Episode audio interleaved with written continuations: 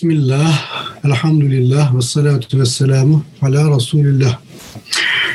Evet, kaldığımız yerden devam edeceğiz inşallah bugün. Ee, Cibril e, hadisini e, konuşuyorduk, müzakere etmeye çalışıyorduk. E, ve Cibril hadisinde İslam ve imanla ilgili konuları konuşmuştuk. Hatırlayacak olursak e, aslında e, bu hadis-i şerifte bir e, yepyeni bir hayat düzeninin nasıl kurulduğunu e, görüyorduk ve bu anlamda da e, aslında bu haliyle bir hayat düzeni, bir dünya nasıl kurulur? Onun e, bir anlamda e, dünya tarihinde e, nasıl gerçekleştiğinin bilinen en güzel örneğiyle karşı karşıya olduğumuzu söylemiştik. E, dolayısıyla da aslında e, sadece e, Cibril hadisinin bu ciheti e, sadece e, Müslümanları ilgilendiren bir şey değil. Aslında bütün insanlığın buradan öğreneceği çok şey olduğunu ifade etmiştik.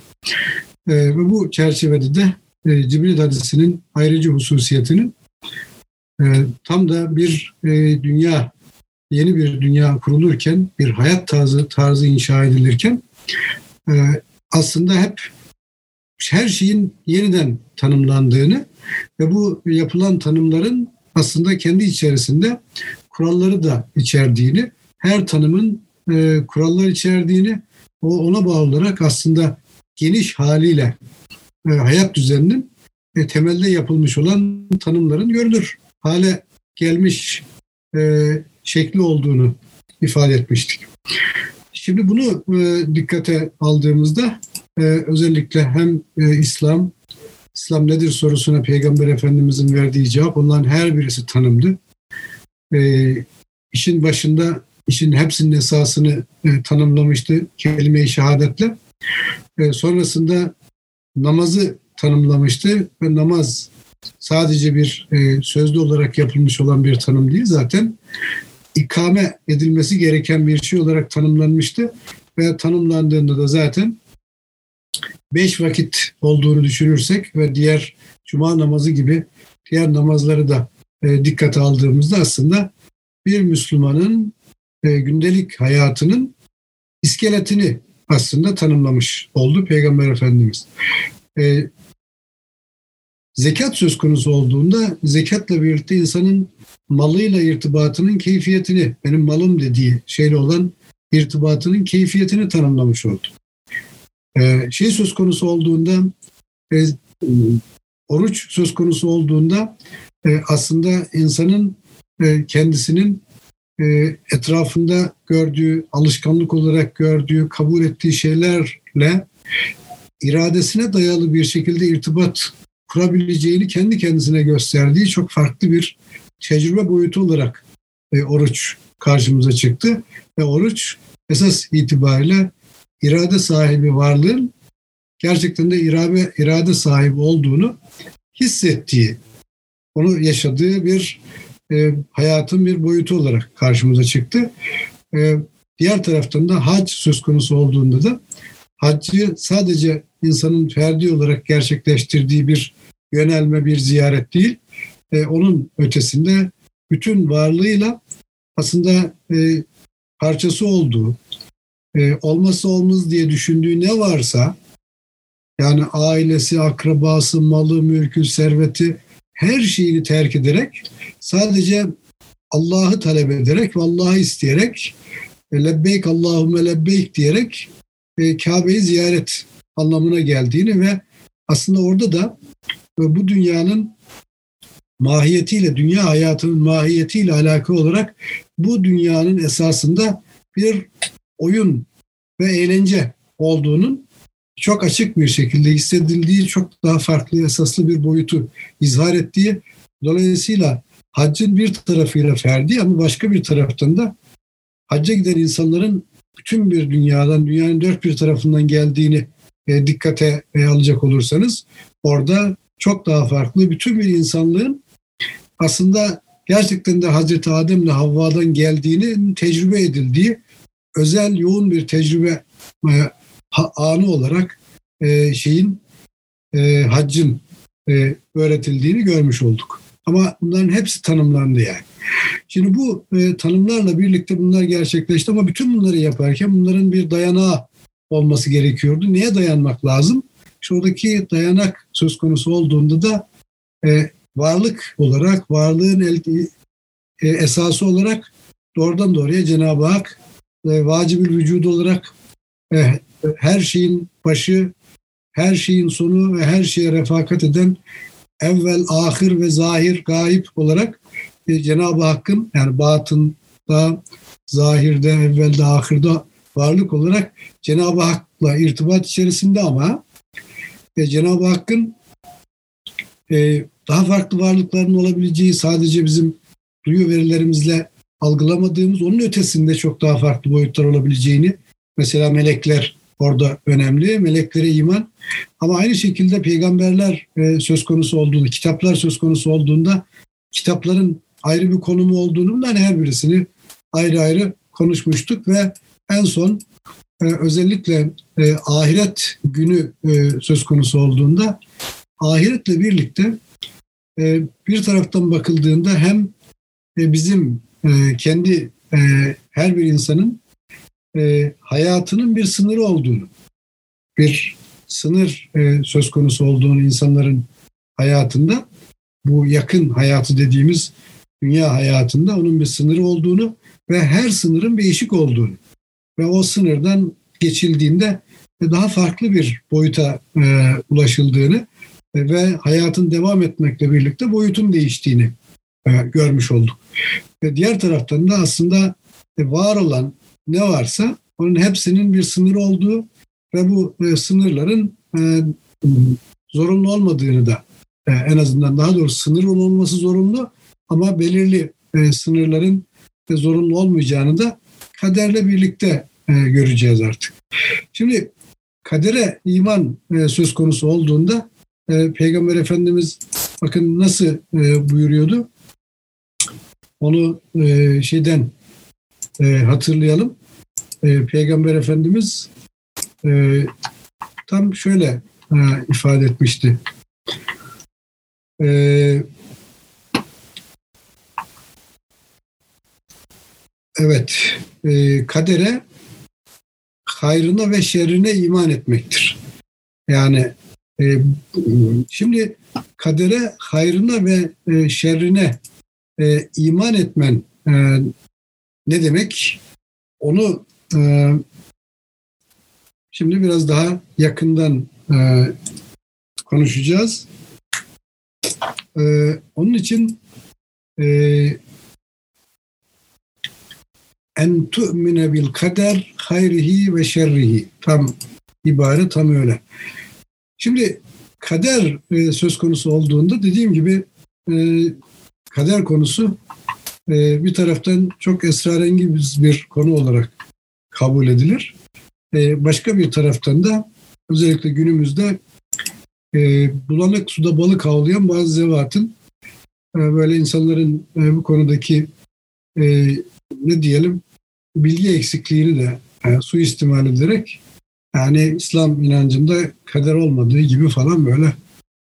E, hakikaten de bütün bir ümmetin e, 15 asırdır üzerinde icma ettiği e, bir esası e, böyle tartışmalı hale getirmeye teşebbüs edebiliyorlar ama bu netice itibariyle yani e, ümmetin e, bilgisi e, bu tip e, ne diyelim e, yani şöyle bu tip insanlara şöyle baktığınızda onu görürsünüz. Mesela isimlerine bakarsanız bir proje olduklarını falan da fark edersiniz. Onun için yani e, sadece e, bir şekilde e, hakikaten de iyi niyetle e, o söylemlerin e, ilk andaki e, sağladığı görüntüye kendisini kaptıran insanlar biraz da e, belli ölçüde şu veya bu şekilde e, İslamiyet hakkında sahip olduğu bilgileri e, bir şekilde yolları bu insanlarla kesişmiş olup e, bunlardan e, öğrenen insanlar bunların tabii daha geniş perspektiften bakıldığında nasıl bir fonksiyon icra ettiklerini,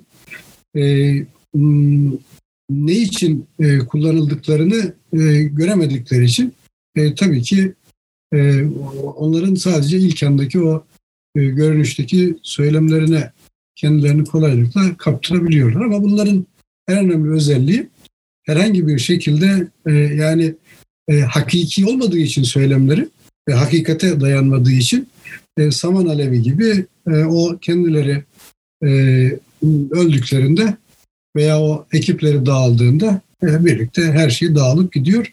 Yani onun için çok da fazla e, ciddiye almaya gerek yok. Şimdi peki e, kadere iman e, konusunu, kader nedir sorusunu konuşurken önce bizim bakın e, günümüzde yaşayan insanlar olarak, modern e, dünyada yaşayan insanlar olarak bazı şeyleri e, hatırlamamız lazım, bilmemiz lazım. E, mesela e, diyelim e, şeyden e, diyelim günümüzde baktığımız vakit en e, fazla meşgul olan, en tırnak içerisinde gelişmiş e, alanlardan birisi neuroscience alanıdır veya cognitive science da derler. Sinir bilim veya beyin araştırmaları da diyebilirsiniz buna. Şimdi mesela bu alanda çalışan insanlar mesela insan iradesini kabul etmezler. Derler ki insanın herhangi bir iradesi yoktur.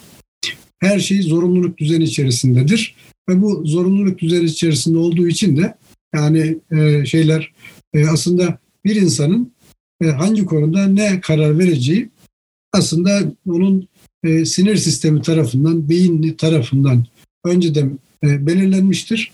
İnsan sadece beyninin kendisini mecbur tuttuğu e, şeyleri, kararları verebilir o kadar. Yani e, insanın iradesi olduğu e, fikrini kabul etmezler ve derler ki irade tamamen metafizikçilerin bir uydurmasıdır. Başka kimler iradeyi kabul etmez? Mesela pozitivistler e, iradeyi kabul etmezler. Mesela John Stuart Mill İngilizlerin önemli filozoflarından birisi çok açık bir şekilde der ki e, insanın her bir insanın özgür bir iradesi olduğunu kabul etmek metafizik bir söylemdir. Dolayısıyla biz e, hürriyet kavramını iradeyle irtibatlı olarak değil yani diğer insan insanların işte birlikte var olurken e, birbirleriyle e, yaşama düzeni içerisinde e, sahip olabilecekleri imkanlar üzerinden ancak konuşabiliriz der. Başka mesela tarihsel materyalistler de insan iradesini kabul etmezler. Onlar da derler ki maddenin bir zorunlu düzeni vardır. O düzen neyi gerektiriyorsa ona insanlar uyar. Yani mesela işte bütün Marksist, Leninist vesaire söylemlere baktığınız vakit onlar derler ki aslında insan iradesi diye bir şey yoktur. İnsanlar e, her halükarda e, zorunluluk çerçevesi içerisinde yaşarlar. Yani sadece bu zorunluluğun farkında olanla olmayanlar arasında fark edilir. Başka kimler insan iradesini kabul etmez? Mesela yapısalcılar. E, modern e, batı dünyasının en önemli ideolojilerinden birisidir. Yapısalcılar da insan iradesini kabul etmezler. Hatta bir şairin, edebiyatçının vesairenin bile e, kendi özgünlüğünü kabul etmezler. Sadece onların yapıların fonksiyonları olduğunu söylerler. Hegel ve mutlak idealistler mesela yine benzer bir şekilde insan iradesini kabul etmezler. Derler ki özgürlük demek mecburiyetini görüp onu üstlenmek demek. Şimdi bütün bunları şöyle dikkate aldığımız vakit bütün bu modern e, yaklaşımların hemen hepsinin özelliği aslında bir Fatuma inanmaları, kör bir e, gücün e, ve hikmeti olmayan, herhangi bir irade tarafından yönetilmeyen, hikmet ve gayesi olmayan kör bir e, güç düzeninin e, insanlara hükmettiğini kabul ederler ve bunu kabul etmeyi de bir yani bilimselliğin ön şartı olarak görürler. E, dolayısıyla bilimsel davranmak, düşünmek demek demek ki bu zorunluluk düzenine uymak demektir. Ama bunun ön şartı nedir? İşte bunun ön şartı e, irade sahibi her şeyi takdir eden ve hikmet sahibi bir varlığı reddetmektir.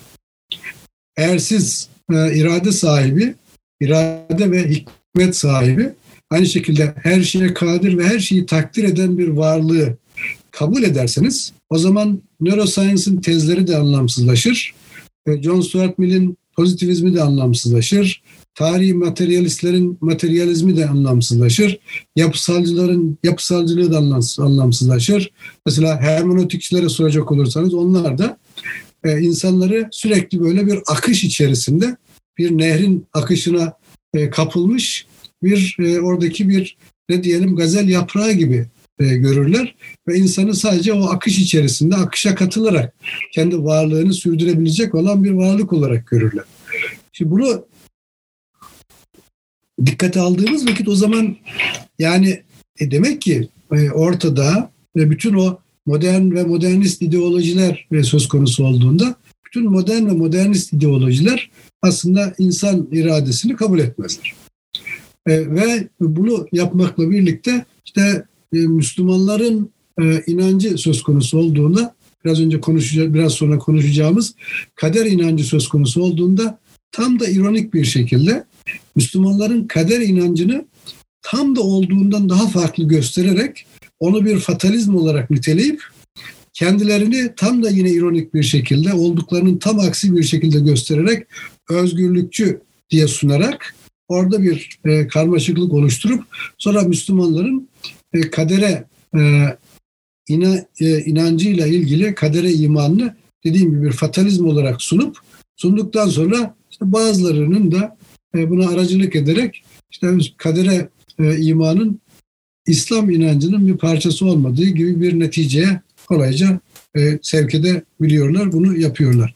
Şimdi kader inancının ne olduğunu daha net olarak anlamak için e, nasıl bir insan hayatına nasıl bir boyut kattığını e, Müslümanların e, intizam emri maaş söz konusu olduğunda yani bu dünya hayatını tanzim ederken kadere imanın nerede durduğunu e, daha net olarak görmek için biraz bir hususu biraz daha yakından e, konuşmamız lazım. Nedir o? Mesela bir e, okul sistemini düşünebiliriz. Yani bir eğitim sistemi. Şimdi bu okul sistemi, eğitim sistemi söz konusu olduğunda diyelim işte bir o üniversite sistemi düşünün. Üniversite, üniversitede yüzlerce bölüm vardır. Oralarda farklı farklı fakülteler vardır vesaire. Eğer bir insan e, okumak istiyorsa ne yapar? Neyi okuyacağına kendisi karar veremez. Sadece önüne sunulan imkanlardan birisini tercih edebilir. O kadar. O önüne sunduğu imkanlar da o işte bölümler, fakülteler vesaire söz konusu olduğunda, fakülteler veya bölümler söz konusu olduğunda o bölümler yani fakülteler ve bölümler de büyük bir sistemin içerisinde tanımlanmıştır ve sistemin parçası olarak vardırlar. E, dolayısıyla eğer siz bir eğitim sistemi içerisine girip e, kendi iradenizle e, kendi istediğiniz bir alanda kendinizi yetiştirmek isterseniz öyle bir şey mümkün değil. Niye? Sadece daha önceden tanımlanmış olan alanlardan birisini tercih etme imkanınız vardır. O kadar. Onun dışında bir alan zaten olmadığı için tercih etme imkanınız da yoktur. Şimdi bunu e, dikkate e, aldığımız vakit e, o zaman e, peki bu eğitim sistemi dediğimiz sistem veya üniversite sistemi nedir? Daha büyük bir sistemin parçası. Bu büyük sistem nedir? İşte bir devlet, ulus devlet sistemi olabilir. E peki ulus devlet, ulus devlette bütün bir e, dünyada etkin olan e, bir e, dünya sistemi dediğimiz sistemin içerisinde yer alıyor. Eğer siz e, derseniz ki ben e, mevcut e, sistemin e, tanımladığı e, tanımladığı e, ve takdir ettiğinin dışında başka bir şey yapmak istiyorum derseniz ya dikkate alınmazsanız veya eğer etkili olma gibi bir e, ihtimaliniz varsa o zaman e, sakıncalı bir görüntü, görüntü sergilersiniz ki bunu işte mesela Fransızların önemli düşünürlerinden birisi bu tarafı e, dikkate alarak e, özellikle işte bu şeylerin hapishanelerin ve akıl hasta, hasta e, hastanelerinin tam da o sisteme aykırı e, olanlarla e, alakalı e, olarak e, ayrı bir konumunun yerinin olduğunu bize ifade eder. Şimdi bunu e, dikkate alırsak O zaman e, ama şöyle söyleyeyim.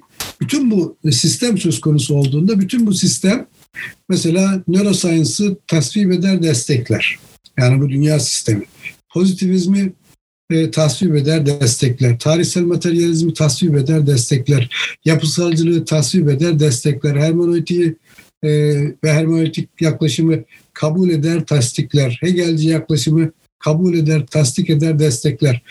Niye bütün bunları destekler? Çünkü bunların hepsi de netice itibariyle e, olanın e, olması gereken olduğunu e, kabul ederler ve insanın sadece kendisine sunulanlar sunulan ne varsa onu tercih etmek gibi bir konumda olduğunu ifade ederler.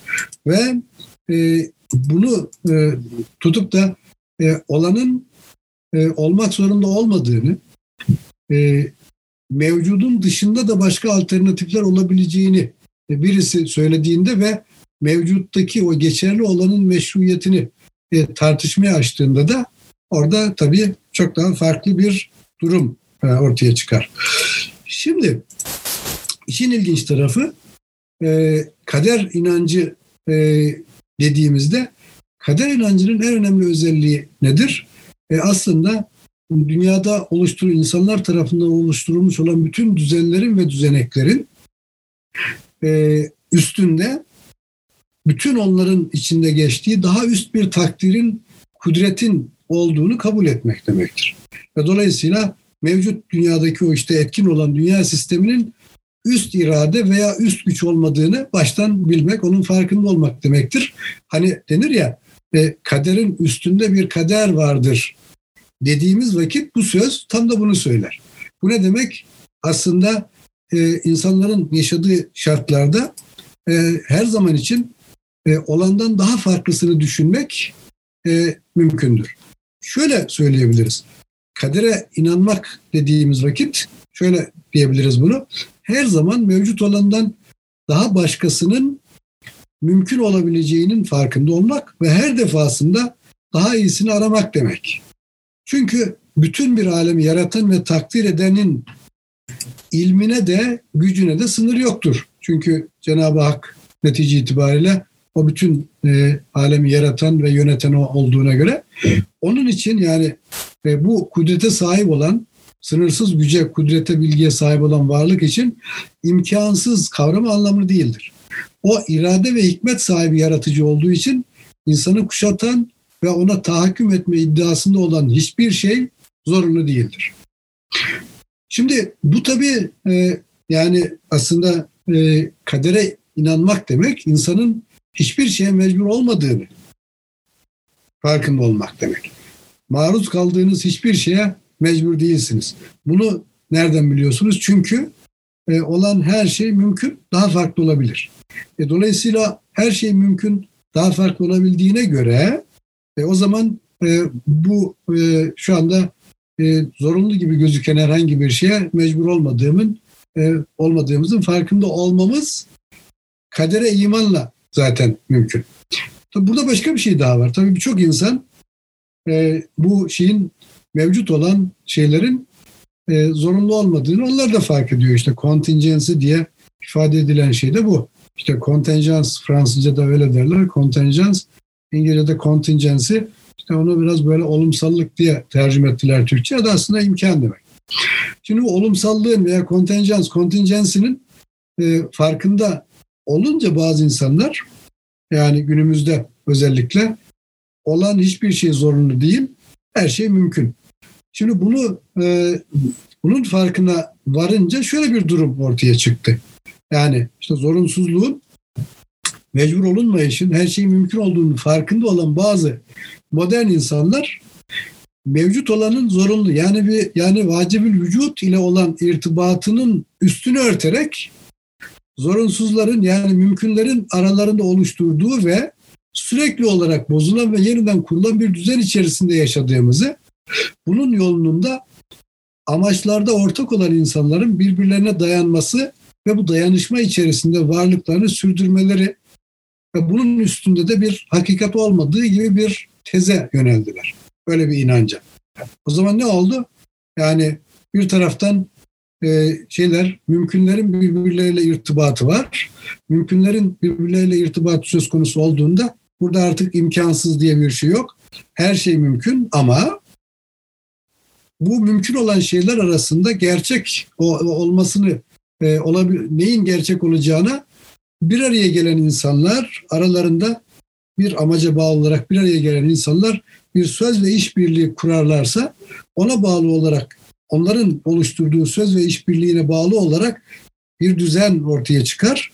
O e, düzen kendi içerisinde bir gücü ortaya çıkarır. O güce bağlı olarak da e, şeyler, o bil kuvve olan, mümkün olan şeyler varlığa gelir. Şimdi e, ama burada önemli olan nokta ne? Bu sefer e, her şeyin mümkün olduğunu fark eden insanlar, insanların önünde neredeyse imkansız diye bir şey yok e, gibi bir söylemi, e, zorunluluk yoktur e, diye insanlar, bunun farkına varan insanlar bu sefer zorunlu, zorunsuz olanların e, ancak bir zorunluyla e, yani vacibül vücut olanla irtibatı içerisinde var olabileceklerini olabilecekleri hakikatinin üzerine örtüp biz aslında o zorunsuzların oluşturduğu bir düzen içerisinde de varlığımızı sürdürebiliriz gibi bir e, anlayışı ortaya çıkardılar ki bu anlayış aslında e, mutlak anlamda işte doğruların, değerlerin, iyinin, kötünün e, sınırlarının tamamen birbirine karıştığı e, ve o buna bağlı olarak da işte bizim hayatımızda çok farklı farklı şekillerde e, insanların hatta kadınların, erkeklerin bile mevcut olmadığı, onların sosyal kurgular olduğunu iddia edecek kadar da ileri gittiler yani. Şimdi bunu e, düşündüğümüz vakit e, bakın şey de e, tutup insanların e, işte özgürlüğünü e, savunma adına e, oradaki ilahi kaderi, takdiri ihmal etmeye yöneldiği vakit insanlar e, o zaman e, bu sefer de bütün e, sınırları ortada, ortadan kaldıran ve bir anlamda hiçbir şeyin zorunlu olmadığı dolayısıyla her şeyin mübah olduğu gibi bir düşünme tarzını ortaya çıkardılar ki bu tarz kelimenin tam manasıyla e, biraz sonra e, konuşacağımız kıyamet alameti olarak karşımıza çıkıyor. Yani o artık değerlerin e, bir anlamda o şeyini takdirle irtibatını kopardıktan sonra koparma değil aslında. O takdirle olan irtibatının e, üzerinin örtülmesiyle birlikte e, insanların e, aslında e, hayatı, hayat düzeniyle alakalı e, hayat düzenini sürdürmelerinin e, zemini yok oluyor. Zemin e, yok olunca da e, burada bir e, yeni bir durum ortaya çıkıyor. Onu ayrıca konuşacağız. Şunu söyleyebiliriz kaderle, kader meselesiyle alakalı kısaca. E, mevcut olan her şeye bazı kabiliyetler takdir edilmiştir. Yani bu bu kabiliyetler şeylerde e, vardır. Yani hem e, maddi varlıklarda vardır ama maddi varlıklarla e, sadece orada değil. Aynı şekilde diyelim biz matematiksel sistemler kurduğumuzda, işte kümeler oluşturduğumuzda ona bağlı olarak da oluşturduğumuz her küme kendisine bağlı olarak kabiliyetler taşır. Sonra e, şeyler söz konusu olduğunda, e, insanlar bir araya geldiğinde bir aile oluşturduklarında o aile içerisinde onun ailenin kabiliyetleri farklılaşır. İşte bir okul oluşturulduğunda okulun okulun sistem olarak, müesses olarak kabiliyetleri ortaya çıkar. Kabiliyetler e, orada zuhur eder. E, yine aynı şekilde işte devlet ortaya çıktığında devletle birlikte yeni kabiliyetler ortaya çıkar. E, dolayısıyla o kabiliyetlerin ortaya çıkması veya tecellisi aslında sınırsız, kesintisiz olarak devam eder. Onu ifade edelim. Demek ki mevcut olan her şeye bazı kabiliyetler takdir edilmiştir. Bu kabiliyetler şartlar uygun olduğunda yani onlara bir kudret ve irade taalluk ettiğinde vücuda gelirler. Vücuda gelen her şey yeni kabiliyetleri ve imkanları açığa çıkarır.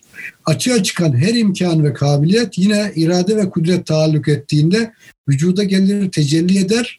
Ee, yani bunu devam ettirebiliriz. İşte buradaki kudret ve iradenin bir tarafı doğrudan doğruya mutlak anlamıyla Cenab-ı Hakk'ın takdiri ve kudreti iradesiyle alakalı. Diğeri de o Cenab-ı Hakk'ın isimlerin ve sıfatlarının tecelligahı olarak en mükemmel ve mücmel tecelligahı olarak her bir insan ferdinde bu e, kudret ve irade tecelli eder. O tecelli ettiği vakit ve insan da kendinde bulunan, kendine verilmiş olan iradeyi ve kudreti etkin kıldığında önüne yeni imkanlar çıkar. O imkanlarla birlikte onlar tahakkuk ettiğinde yepyeni imkanlarla devam eder. Bunun hem e, alemi e, yani yeryüzünü imar etme sürecinde biz bunu e, dikkat alabiliriz, anlayabiliriz. Ama diğer taraftan da insanın deruni tarafındaki ahlaki kemal süreci söz konusu olduğunda o ahlaki kemal sürecinde de insanlar işte bir e, hali yaşadıktan sonra o halin muktezasınca amel ettiklerinde e, o zaman e, ne olur? E, yerine yeni hallerle karşılaşırlar. O halle birlikte yeni haller, makamlar vesaire adım adım ahlaki olarak da bunlar e, gerçekleşir. Benzer bir şekilde toplumsal hayat içerisinde de o şey yapılan, e, tahakkuk ettirilen imkanlar e, yeni e, konumlar, makamlar ortaya çıkarır. Makamlar hakkı e, verildiğinde yeni imkanları açığa çıkarır. Böylelikle e, yer e, yüzündeki o şeyin e, insanın dünya hayatının bir intizamı tahakkuk eder.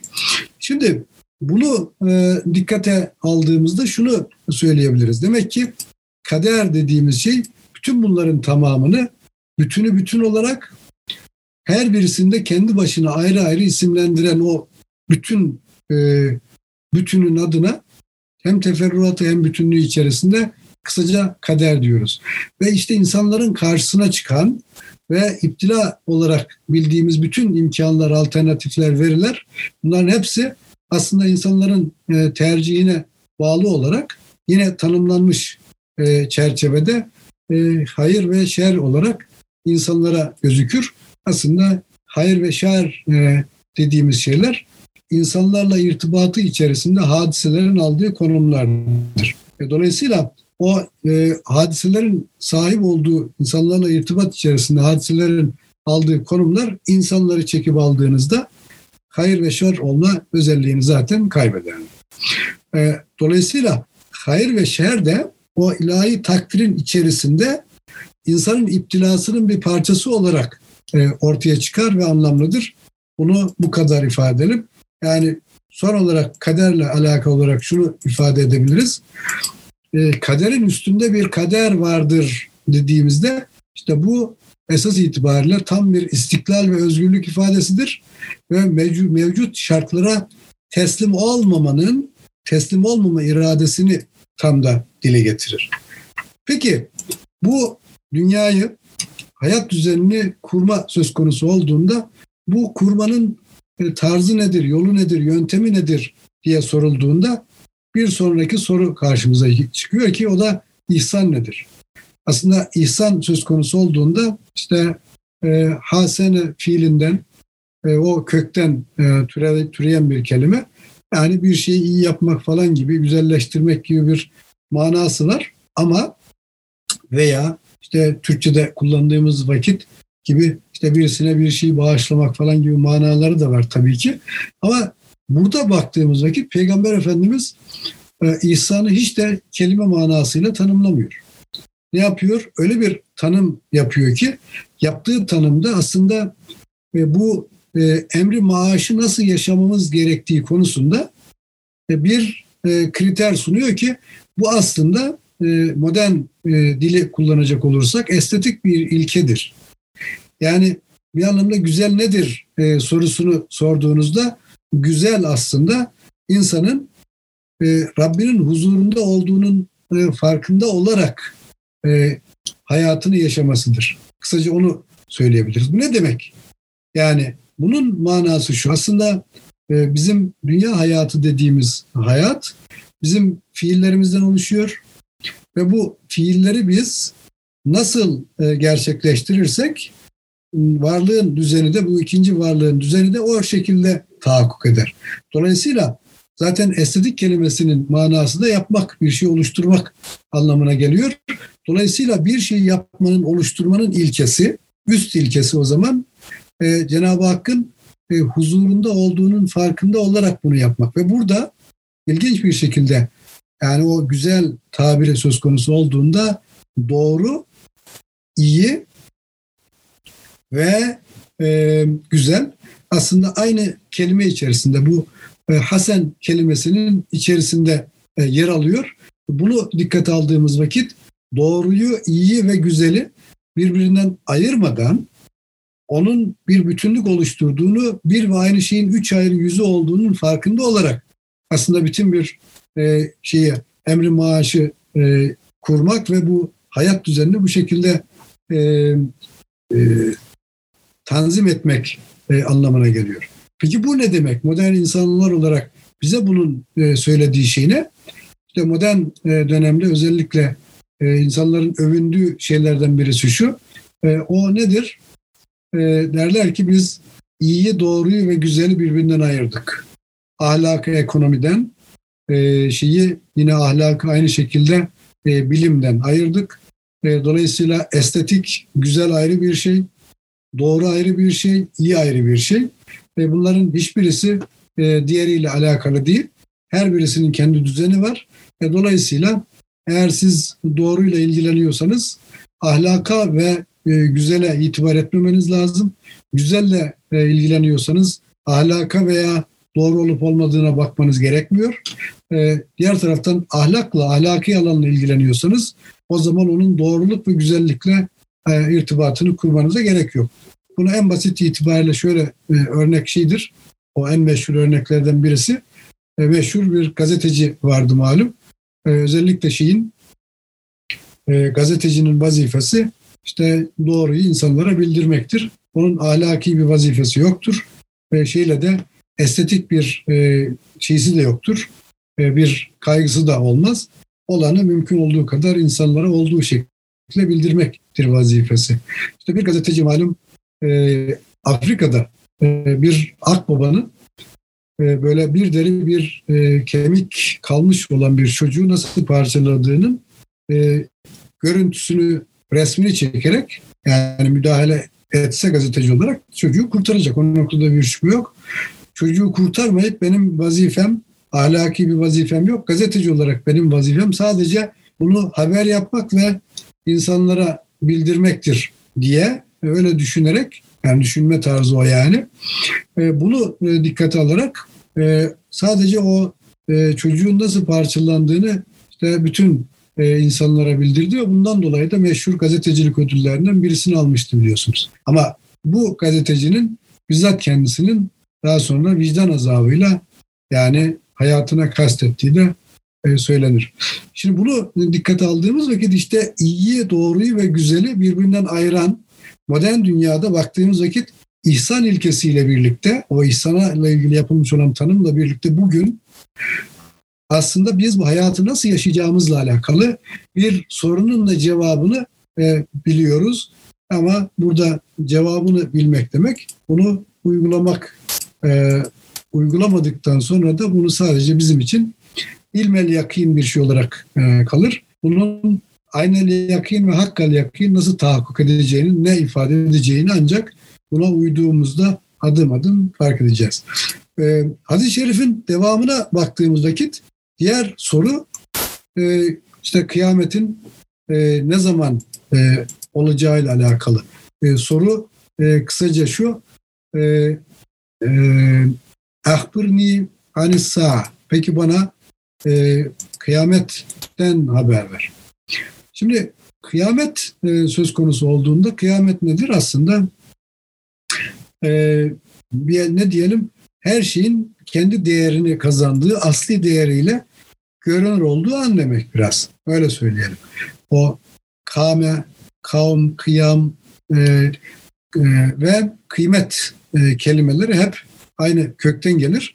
E, dolayısıyla ben e, vaktimiz az olduğu için e, o kısa yoldan söyleyeyim.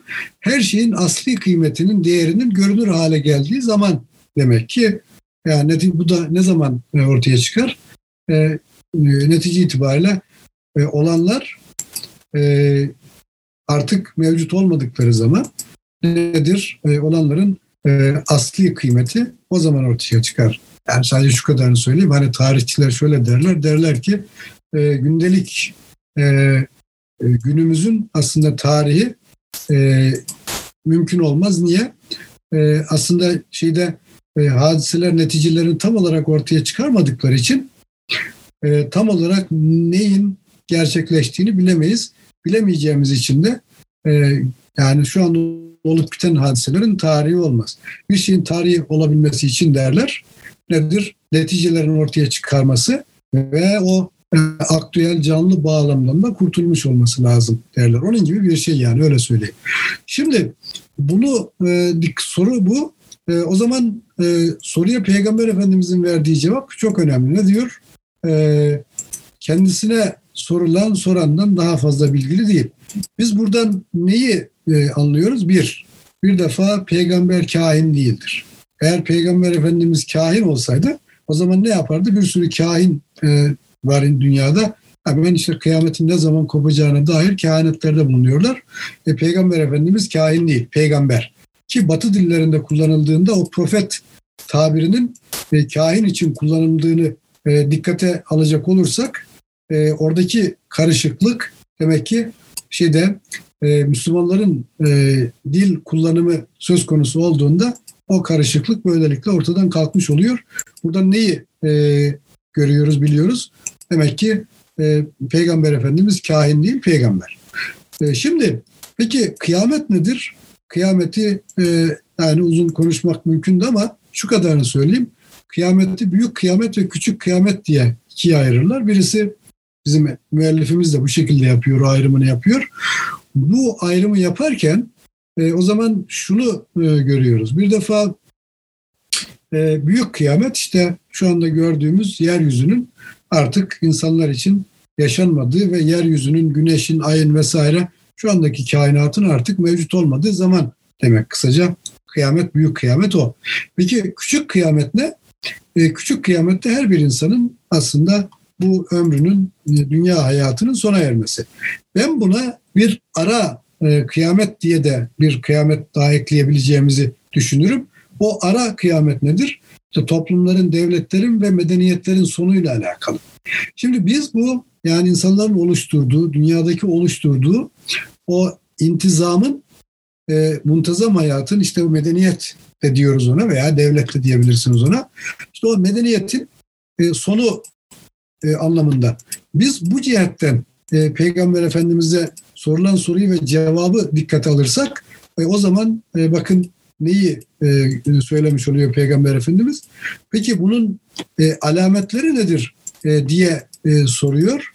Alametler e, söz konusu olduğunda da neydi e, alametleri? Yani kıyametin alametleri yani o orta kıyametin esas itibariyle alametleri e, an, annelerin veya cariyelerin kendi e, e, efendilerini doğurması diğer taraftan da e, yalın ayak, başı kabak, çıplak koyun çobanlarının yüksek ve mükemmel bina yapımında birbirleriyle yarışması.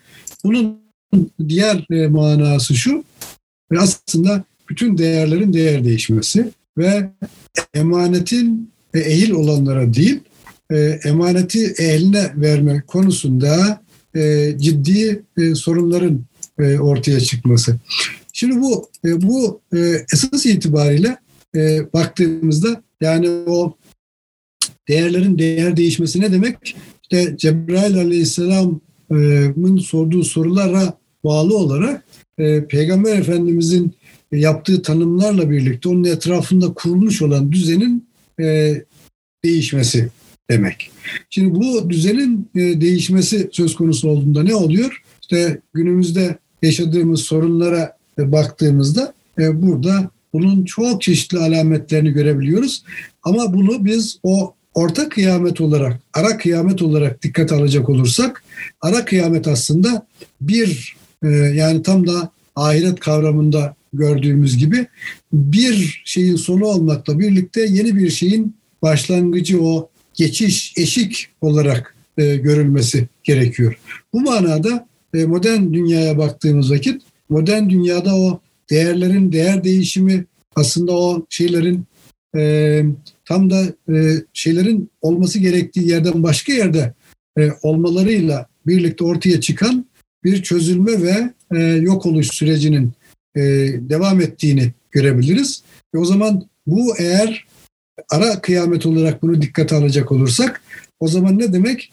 Yeni bir e, hayat düzeninin, yeni bir e, dünyanın kurulmasının e, aslında bir e, şeysi, e, bir e, alameti, bir e, işareti olarak bunu dikkate alıp e, buna yönelmemiz lazım. Peki bunu e, yapmak için ne gerekiyor? Bir sonraki hadisimizde bunu ele alacaktım ama olmadı ama o kadarını şu kadarını söyleyeyim. E, biz e, mala yaniyi terk ederek yani bizi ilgilendirmeyen e, şeyleri terk ederek bizi ilgilendirmeyen e, şeyleri terk etmek demek bizi ilgilendiren şeylerle uğraşmak demektir. Meşgul olmak. Bizi e, meşgul eden, uğraş, bizi ilgilendiren şeyler nedir? İşte hemen ilk başta varlığımızın manası. Hem varlığın hem varlığımızın manası ilk bizi meşgul edecek olan şey. Sonra e, diğer taraftan da yine e, ona bağlı olarak adım adım e, bu şeyin yeryüzünde o intizamı sağlama cihetinden üzerimize düşen şeyler söz konusu olduğunda o klasik anlay tanımları hatırlayacak olursak e, farz-ı ayın farz-ı kifaye olan alanları birbirinden ayırıp farz-ı ayın noktasında herkesin iştirak etmesi, bilmesi gereken hususlar.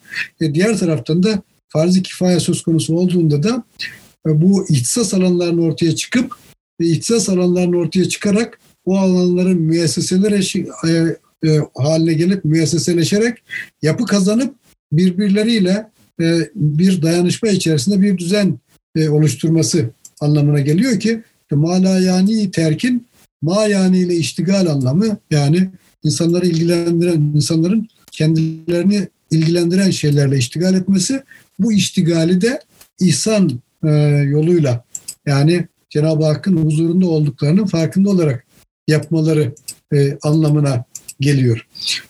Şimdi bizim müellifimizin bu malayaniyi açıklarken mayaniyi de e, açıklaması e, bize fikir verir. Bunları söyleyerek bitireyim. E, ne diyor bakın? E, malayaniyi terk etmek demek. Şöyle diyor tam kendi istemediği, ihtiyacı olmayan, zaruri olmayan, faydası olmayan, onsuz e, hayatın mümkün olduğu şeyler. Yani eğer bir şey ihmal edilebilirse demek ki e, o kadar da zorunlu değil. Onu terk edebilirsiniz. Ama olmadan hayatınız devam etmeyecekse şayet, daha doğrusu varlığınız ona bağlıysa ki buradaki varlığı hem maddi hem de manevi varlık olarak düşünebilirsiniz. Hem maddi varlık olarak hem de manevi varlık olarak e, ikiye ayırdığını ve bu manada baktığını da mayaniyi açıklarken yani insanı ilgilendiren şey nedir sorusunu cevaplarken zaten e, veriyor. Bunları bakın neler olarak söylüyor. Öncelikle bedenin kıvamı ve sıhhati. Yani oradan başlıyor. Demek ki insanın bedeninin sıhhatiyle e, iştigal, iştigali mayanidir. Yani kendisini ilgilendirir. Sonra nevin bekası. Yani insan türünün bekası için ne gerekiyorsa onu yapmak esas itibariyle işte mayaninin insanı ilgilendiren şey. Diğer taraftan e, bu insanın kendisini ahlaki kemal kemali elde etme yönünde çalışması. Diğer taraftan insanı nihai olarak e, ebedi saadete kavuşturacak ahlaki faziletlere e, kazanmak için gayret sarf etmesi ki burada da zaten yani metnin diğer taraflarını okuduğumuzda da görüyoruz. E, bizim müellifimizin işaret ettiği nokta şurası. İnsan saadete tek başına ulaşamaz. Ancak diğer insanlarla e, birlikte ulaşabilir. Bunun e, yolunu da başka bir hadis-i şerif gösteriyor. Nedir? İşte siz e, kendiniz için istediğinizi kardeşiniz için de, diğer insanlar için de, kardeşiniz için de istemediğiniz müddet hakiki manada iman etmiş olmazsınız. Ya iman etmiş olmazsınız. Hadis-i şerifin tam zahir manası bu. Bunu dikkate aldığımızda bu sefer esas itibariyle insanın saadetinin ancak e, etrafındaki insanların saadeti üzerinden e, tahakkuk edeceğini, dolayısıyla insanların öncelikli olarak etrafındaki insanların saadeti için çalışarak kendi saadetini teminat altına alacağı, etrafındaki insanların e, şeysini e, güvenliğini sağlayarak kendi güvenliği, kendisinin güven içerisinde varlığını sürdürebileceğinin farkında olması anlamına geliyor. bütün e, bunları e, dikkate aldığımız vakit yani özetleyecek olursak demek ki insanın e, yönelişi çok önemli ve bu yönelişin hem bir aracı var hem bir gayesi var.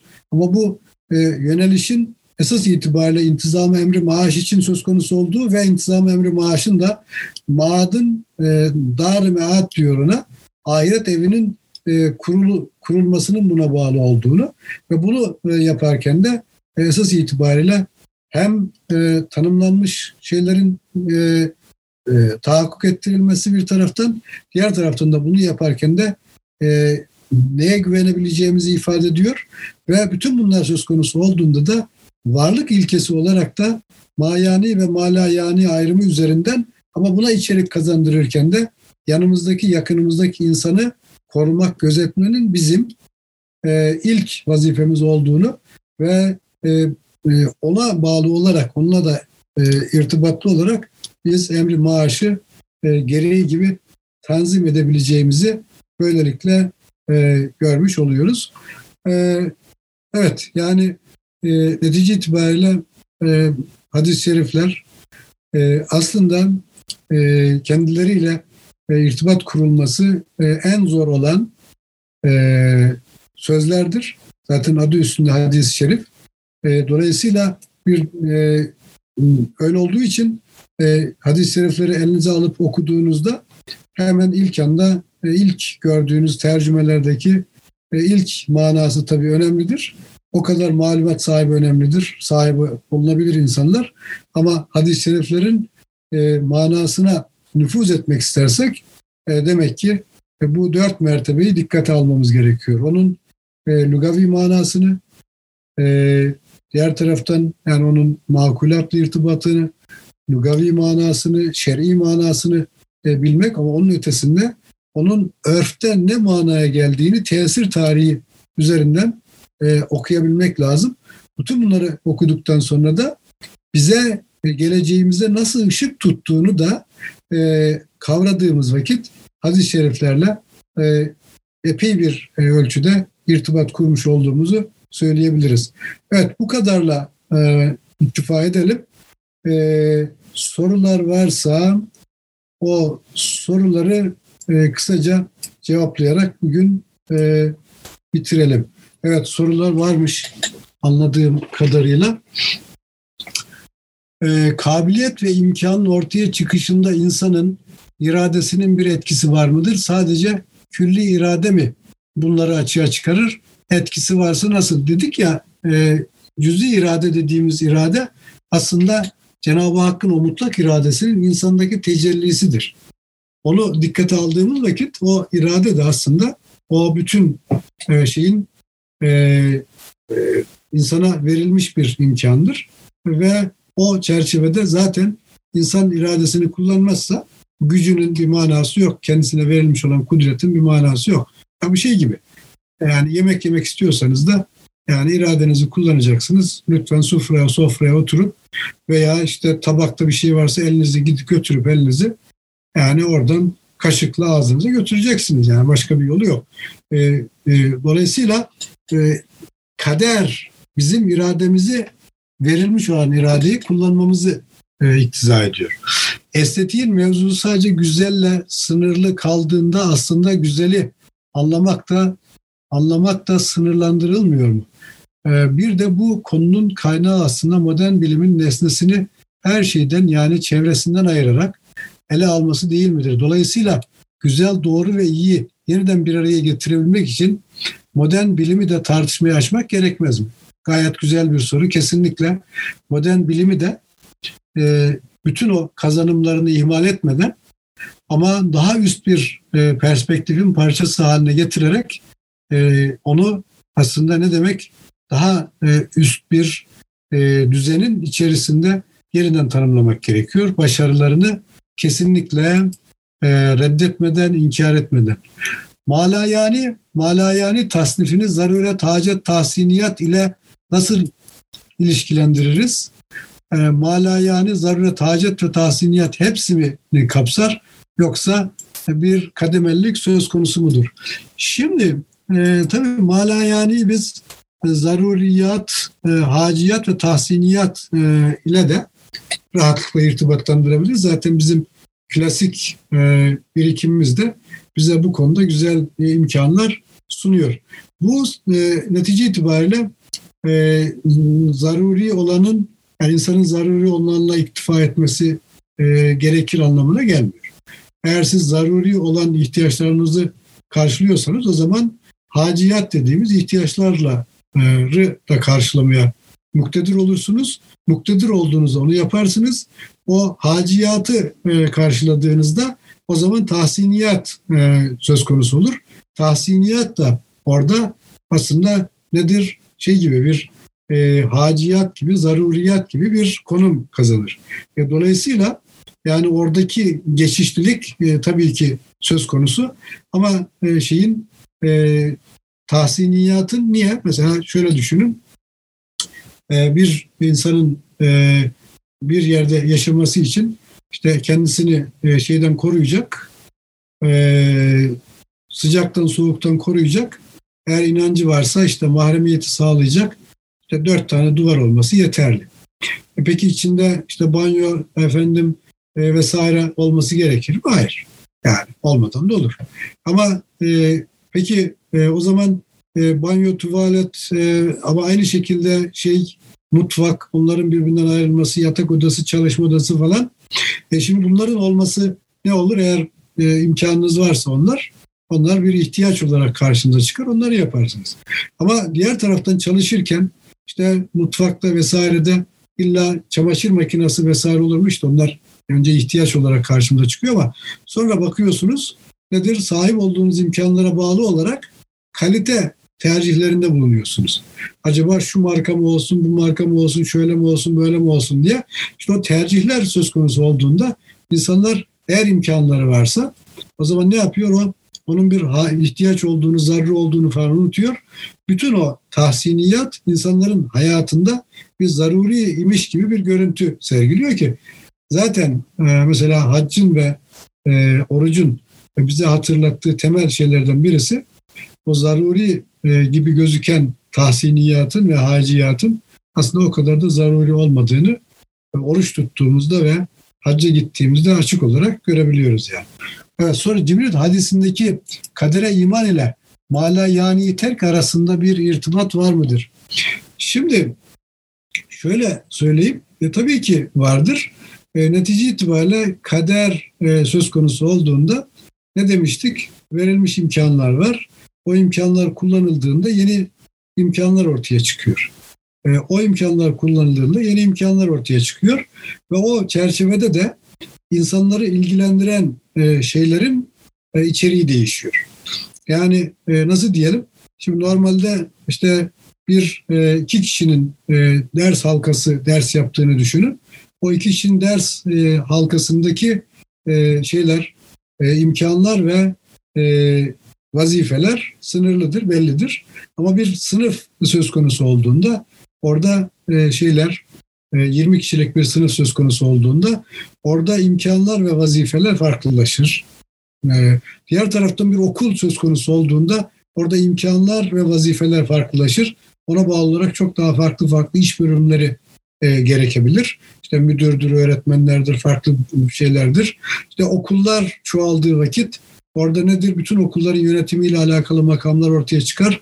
Onların aralarındaki işbirliğiyle birlikte yepyeni imkanlar ortaya çıkar ve böyle ve devam eder. İşte her bir bağlamda mayani ve malayani'nin ne olduğunu her defasında yeniden e, teşhis etmek lazım. Ve bu da esas itibariyle nedir? E, ilim dediğimiz şey ve bununla uğraşır. Alimlerin vazifesi e, bunu e, açı tespit etmek ve bunları tekrar birbirlerle irtibat e, haline getirmek. İşte ilmi olarak bunlar irtibatlandırıldığında bu da önümüze yeni imkanlar açar. Ve imkanlar, ortaya çıkan imkanlar hiçbir zaman bitmez. Niye? E çünkü bütün o imkanlarda açığa çıkan esma ve sıfat sınırsızdır. O tecellilere sınır koyamazsınız. O tecellilerin ne kadarının tahakkuk edeceğine de aslında sizin ve oluşturduğunuz e, ortamların imkan ve kabiliyetleri karar verir. Evet. Peki galiba e, bu kadar e, sorularımız. E, Allah'a emanet olup e, aslında şunu son olarak ifade edeyim. E, doğrusu İleme e, en azından kendi adıma e, bu e, hadis-i şeriflerle ve bu metinle bu bağlamda e, biraz daha yakından iştigal etmeme e, vesile olduğu için müteşekkirim. Bu da hakikaten bu Ramazan ayının hani Ramazan mübarek falan diyoruz ya Ramazan'ın böyle e, bereketli olan taraflarından birisi olarak bir anlamda tecelli ve tahakkuk etti öyle diyeyim. E, peki e, Allah'a emanet olun. E, inşallah başka bir zaman başka vesileyle yine e, görüşürüz.